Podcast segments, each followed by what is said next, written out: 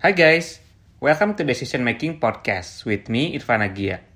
Sebuah podcast tentang bagaimana kita bisa lebih baik dan juga lebih bijak dalam mengambil keputusan dalam kehidupan kita sehari-hari. Dibahas dari berbagai perspektif, terutama keilmuan psikologi dan behavior science. Karena hidup adalah akumulasi dari pilihan-pilihan yang kita ambil. Summary dari setiap episode di podcast ini akan selalu gue share di fitur Insta Stories. Jadi, bisa cek aja nanti di Instagram at irfan underscore agia. Nah, di episode ke-96 ini, kita bakal bahas topik tentang fear atau takut gitu, ketakutan gitu ya. Nah, ini mungkin topik yang pasti teman-teman uh, udah sangat familiar ya. Jadi kan tiap orang juga pasti punya ketakutannya masing-masing. Ketakutannya terhadap apa? Kenapa setiap orang itu punya ketakutan yang berbeda-beda?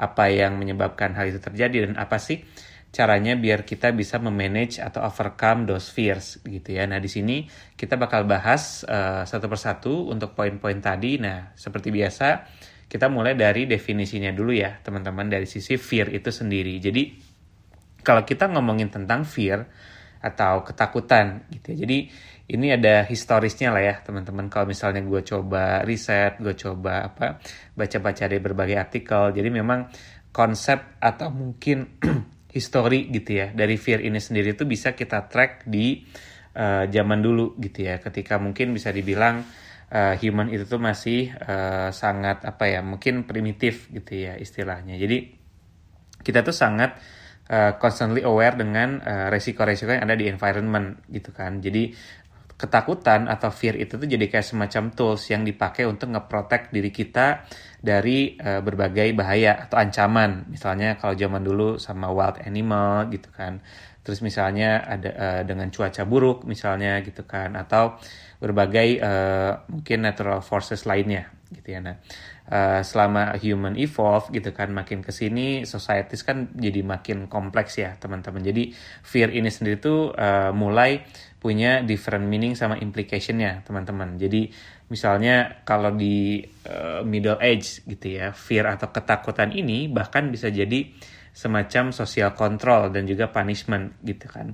Jadi misalnya terhadap pemerintah gitu ya, jadi menciptakanlah fear terhadap otoritas gitu. Terus di zaman Renaissance misalnya itu bisa dilihat sebagai suatu emotion ya, tapi sebetulnya bisa leading to uh, creativity gitu ya. Atau mungkin personal growth jadi jadi bahkan uh, banyak misalnya karya-karya atau mungkin hasil gitu ya yang muncul dari pengolahan emotion fear tadi gitu ya nah kalau di modern times kayak sekarang nih teman-teman fear itu sendiri tuh udah mulai diasosiasikan sama misalnya anxiety gitu ya. Kecemasan kita terhadap mungkin pekerjaan kita takut misalnya apa takut melakukan kesalahan gitu ya atau mungkin stres juga gitu kan. Nah, ini uh, fear ini sendiri itu bisa digunakan untuk describing wider range of emotion gitu kan. Nah jadi kalau kita bahas definisi dari fear ini sendiri itu cukup banyak ya teman-teman. Mungkin gue ambil tiga angle aja dari angle psychology uh, filosofi dan juga mungkin aspek sosial gitu ya. Jadi kalau dari sisi psikologi fear itu tuh adalah suatu emotion teman-teman. Jadi uh, emosi yang teman-teman rasakan saat teman-teman merasa misalnya terancam gitu ya atau cemas uh, worry gitu kan. Nah, jadi ini sebetulnya ada respons dari potensial danger. Jadi kita mempersepsikan nih uh, sesuatu dari eksternal gitu ya. Misalnya itu tuh akan membahayakan diri kita gitu. Ya. Jadi namanya istilahnya perceived threat gitu kan. Nah, fear ini sendiri itu bisa uh, sifatnya fisiologis gitu ya, fisik misalnya ada bentuknya arousal dari apa nervous system kita atau dari sisi kognitif gitu ya. Karena kita mempersepsikan uh, ini tuh suatu ancaman. Makanya fear di setiap orang itu tuh bisa beda-beda teman-teman. Karena ada orang yang menganggap misalnya nih ada orang ngasih feedback gitu ya. Nah uh, orang A itu bisa menganggap itu tuh sesuatu yang bagus yang konstruktif istilah. Makanya dia nggak takut. Dia nggak takut kalau dikasih feedback sama uh, bosnya misalnya. Tapi si orang B itu malah jadi takut ketika uh, diberikan feedback gitu karena dia ngerasa aduh ini kayaknya uh, bikin gua nggak akan lulus performance review nih gitu atau bikin gua uh, jadi apa jadi jelek nih misalnya di di mata bos gua misalnya. Itu kan makanya ada uh, istilah persepsi atau kognitif yang bisa dibilang setiap orang tuh beda-beda ya teman-teman. Nah itu dari kalau dari psychology kalau dari filosofi fear atau ketakutan itu adalah suatu recognition terhadap imminent threat gitu ya. Ini kalau dari sisi filosofis gitu ya, memang punya potensial untuk causing harm. Nah, kalau filosofi itu sendiri dari keilmuannya bilang bahwa fear itu adalah subjective experience. Itu sangat bersifatnya tuh subjektif gitu kan. Nah, fear ini sendiri itu bisa sifatnya rasional dan irasional gitu kan. Jadi ada yang sifatnya rasional gitu kan. Misalnya ketika kita lihat uh, secara keuangan gitu ya. Ketika kita ngitung-ngitung, waduh ini kayaknya uh, gue bakal susah nih bayar cicilan selama tiga bulan ke depan karena ternyata ada banyak pengeluaran gak terduga gitu ya setelah gue hitung-hitung. Nah itu bisa dalam bentuk rasional. Tapi kalau irasional itu yang misalnya nggak nggak make sense gitu ya. Dalam arti misalnya ada orang yang takut misalnya uh, apa cuaca buruk gitu cuaca kok buruk terus gitu kan terus misalnya apakah ini adalah mungkin uh, teguran gitu ya atau mungkin uh, suatu hal yang tidak bisa kita kita apa kita jelaskan secara rasional gitu ya. Misalnya teguran dari uh, extraterrestrial force gitu ya, misalnya atau apa pun whatever gitu ya. Jadi makanya bisa sifatnya irasional ataupun rasional.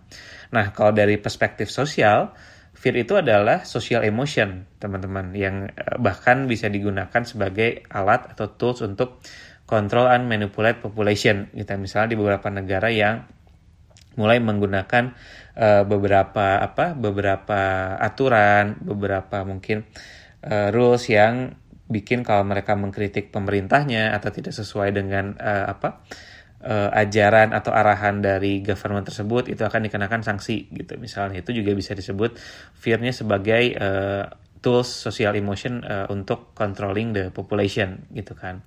Untuk maintaining social order juga gitu. Nah fear ini memang bisa digunakan untuk menjustifikasi politi apa policies policies yang bersifat opresif misalnya. Nah kalau gitu tipe-tipe dari apa uh, fear itu apa aja sih? Kadang kan tadi sempat kita bahas ya pasti beda-beda tuh tiap orang. Dan juga uh, emang ada berapa tipe kalau misalnya kita membagi uh, berdasarkan jenis. Nah yang pertama itu ada yang namanya tuh GAD atau Generalized Anxiety Disorder kalau fear. Ini ada tipe ketakutan yang uh, punya excessive worry nih terhadap uh, suatu topik gitu ya. Jadi kita menggen apa uh, ada ketika kita melihat suatu topik gitu ya kita punya excessive worry terhadap hal tersebut gitu ya. Terus yang kedua itu ada yang namanya itu fobia. Nah ini mungkin teman-teman juga cukup familiar ya dengan istilah uh, fobia. Jadi kalau fobia itu sendiri adalah fear yang dia tuh takutnya sama spesifik objek atau situation. Misalnya ada yang takut ketinggian gitu kan, ada yang takut misalnya spesifik ke laba-laba gitu ya misalnya atau takut terbang misalnya. Kalau jadi dia nggak bisa tuh kalau misalnya naik pesawat karena dia punya ketakutan sama uh, terbang gitu ya. Nah fobia ini mostly uh, bisa dibilang tuh irasional juga ya dan itu bakal lead seseorang untuk avoid avoidance of the fear object atau situation gitu. Nah kalau gitu mumpung kita lagi bahas fobia nih apa aja sih tipe-tipe fobia yang cukup common gitu. Jadi ini uh, ada mungkin beberapa ya teman-teman yang teman-teman ngerasa oh ya sempat ngeliat nih orang yang fobia hal ini atau mungkin teman-teman sendiri gitu ya punya fobia hal hal ini dan memang itu ada namanya sendiri ya teman-teman. Kayak contoh misalnya arachnofobia itu adalah fear of spiders gitu ya, atau laba-laba spesifiknya terus akrofobia akrofobia itu takut ketinggian gitu ya, jadi nggak bisa tuh kalau misalnya apa uh, uh, naik misal atau apa kerja di ketinggian gitu ya, di gedung yang lantai atas atau mungkin naik wahana yang apa tinggi gitu ya, dia, takut nggak bisa Terus agorafobia, agorafobia ini dia takut terhadap uh, open atau public spaces gitu ya. Nah kebalikannya ada claustrophobia. Claustrophobia ini orang yang takut uh, di eh, tempat-tempat uh, yang sempit, misalnya atau tertutup gitu. Makanya misalnya dia gak nyaman tuh kalau misalnya masuk lift terus ternyata cukup banyak orangnya gitu ya. Nah itu tuh bikin akan men-trigger uh, fear-nya dia gitu kan.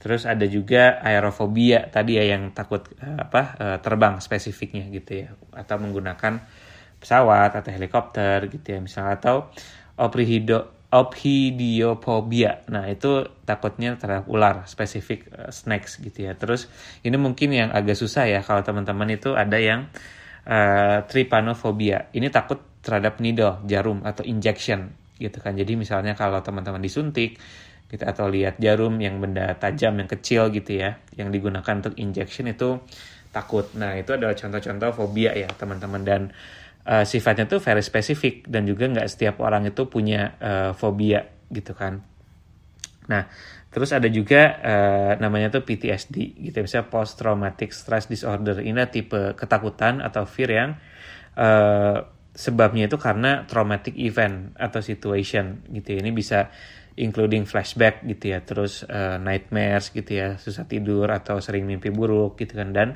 avoidance of situation yang bisa trigger memories of, of the event. Jadi kalau teman misalnya sering nonton film gitu ya, uh, contoh yang apa post traumatic itu misalnya para veteran perang gitu ya misalnya. Jadi misalnya mereka dengar ada misalnya apa uh, kembang api gitu sesuatu yang uh, bunyinya keras gitu ya, itu bisa men-trigger mereka tuh untuk kayak misalnya uh, mengulang kembali traumatic experience saat mereka tuh uh, ikut perang gitu ya. Misalnya itu salah satu contoh uh, bagaimana spesifik uh, trigger gitu ya itu bisa uh, specific situation itu bisa triggering uh, ketakutan atau uh, post traumatic disorder tadi gitu kan. Jadi memang uh, kenapa sih tiap orang tuh beda-beda gitu ya tipe ketakutannya memang banyak banget faktornya teman-teman dari uh, genetik juga bisa, life experience atau mungkin exposure terhadap traumatic events gitu kan. Atau juga fear ini sendiri kan bisa jadi bentuknya anticipation ya teman-teman. Kita mengantisipasi sesuatu yang kita rasa buruk atau dangerous gitu kan. Atau juga bisa result dari learn experience. Makanya tiap orang tuh pasti bakal uh, beda-beda teman-teman. Gitu. Nah kemudian Plan berikutnya adalah fear ini sendiri. Tadi kan mungkin uh, outcome-nya tuh jelek semua ya gitu. Bikin stress, avoidance gitu. Tapi apakah fear ini sendiri adalah suatu healthy emotion juga yang apa yang kita, yang kita punya. Jadi sebetulnya ketakutan atau fear itu tuh nggak bisa kita hilangkan teman-teman. Maksudnya hilangkan completely ya gitu. Mungkin direduksi bisa dengan beberapa terapi. Tapi fear ini sendiri adalah necessary emotion yang uh, pasti ada di kita dan itu necessary. Kenapa? Karena ini Eh, berguna banget untuk protecting ourselves dari danger. Gitu kan bayangin kalau kita istilah itu nggak ada takut-takutnya gitu ya sama satu hal gitu kan itu kita bisa making stupid decision gitu kan atau mungkin melakukan sesuatu yang di luar nalar gitu kan. Jadi itu protecting ourselves dari danger karena kita bisa itu fear itu membantu kita untuk recognize sama respond threats quickly juga dan lebih efektif gitu kan. Tapi memang kalau fear-nya itu terlalu intens atau misalnya experience too often gitu ya, memang itu pasti akan punya negative impact dan perlu kita consult ke uh, apa orang-orang yang mungkin ahli gitu kan kayak psikolog gitu misalnya kayak karena itu bakal leading to anxiety, stress, depression gitu.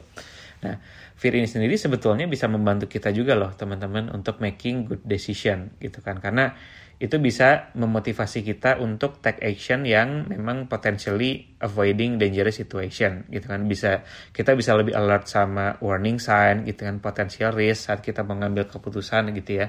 Entah uh, keputusan yang besar keputusan yang kecil gitu kan. Itu bisa bikin kita lebih cautious gitu kan. Contohnya misalnya fear of failure gitu ya. Kita bisa leading kita lebih uh, punya greater caution lebih alert lah saat kita approaching task di mana kita jadi bikin uh, pengen punya lebih banyak uh, informed decision gitu kan. Nah, fear juga bisa membantu kita untuk take action gitu kan, lebih lebih decisive, lebih apa, lebih careful lagi seperti itu. Nah, gimana sih caranya untuk kita tuh bisa making uh, use of fear tuh jadi advantage kita nih?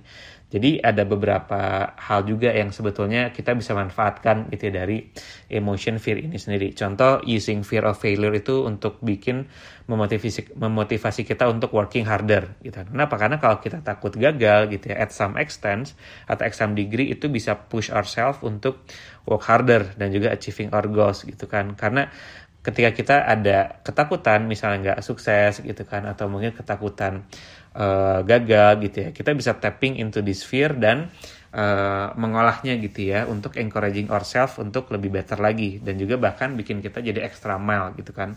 Terus yang kedua kita bisa using fear of consequences untuk encouraging self habits kita gitu. Kita takut terhadap konsekuensi. Contohnya misalnya engaging di uh, apa bad behavior itu jelek banget buat long term kita misalnya kayak uh, merokok gitu kan contohnya gitu ya. Jadi ketika kita tahu ada konsekuensinya gitu ya dari merokok itu at least bisa membuat kita lebih cautious gitu kan untuk mereduksi sedikit demi sedikit uh, bad behavior tadi gitu ya.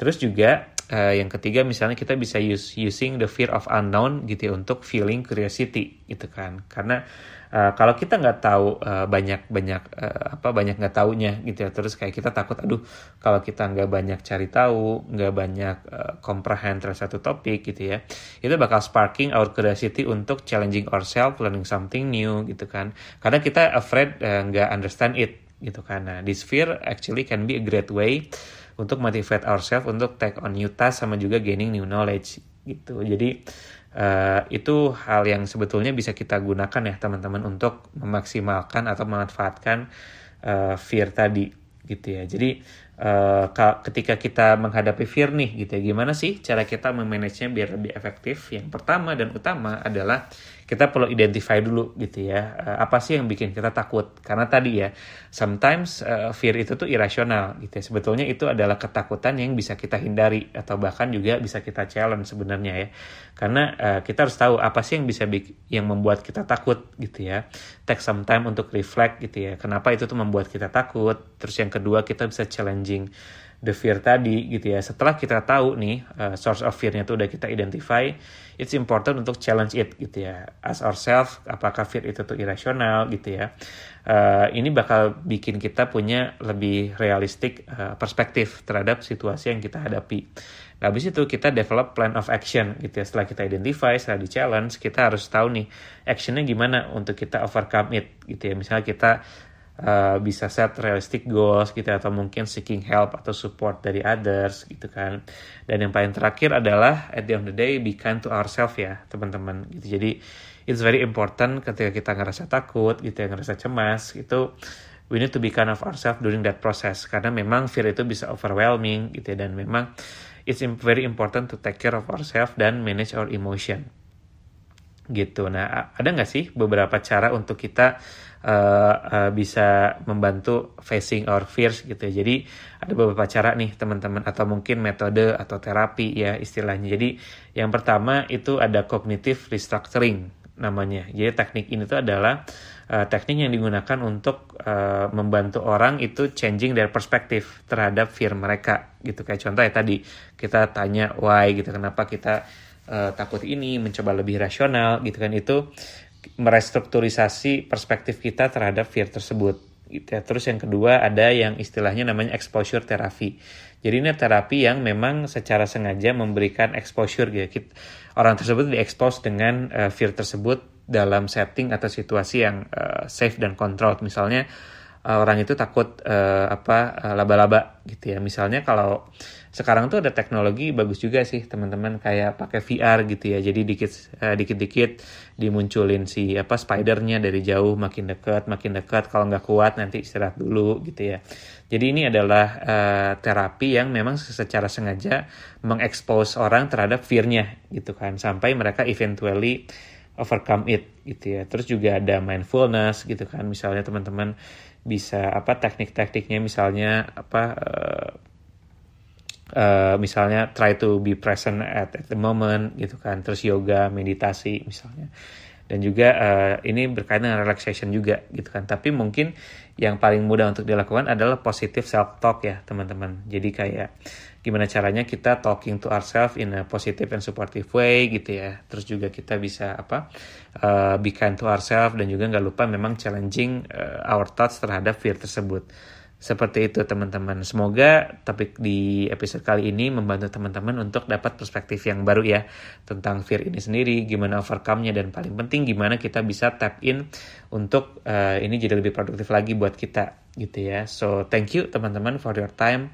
Uh, for listening uh, to this episode dan untuk episode selanjutnya gue bakal bahas topik tentang leap of faith gitu ya. Nah nanti kita akan banyak bahas tentang aspek-aspek leap of faith gitu ya. Terus uh, bagaimana kita bisa lebih uh, courageous atau berani untuk take that decision. So sampai jumpa di episode ke-97. Kalau ada request atau masukan tentang feedback atau topik yang mau dibahas, boleh email atau message gue di Instagram at irfan underscore agia. Kalau teman-teman juga merasa topik di podcast ini berguna atau memberikan wawasan yang baru, please do share it to others. Bisa bagikan link konten podcast ini di Instagram because sharing is caring. Thank you and see you in the next week. Bye-bye.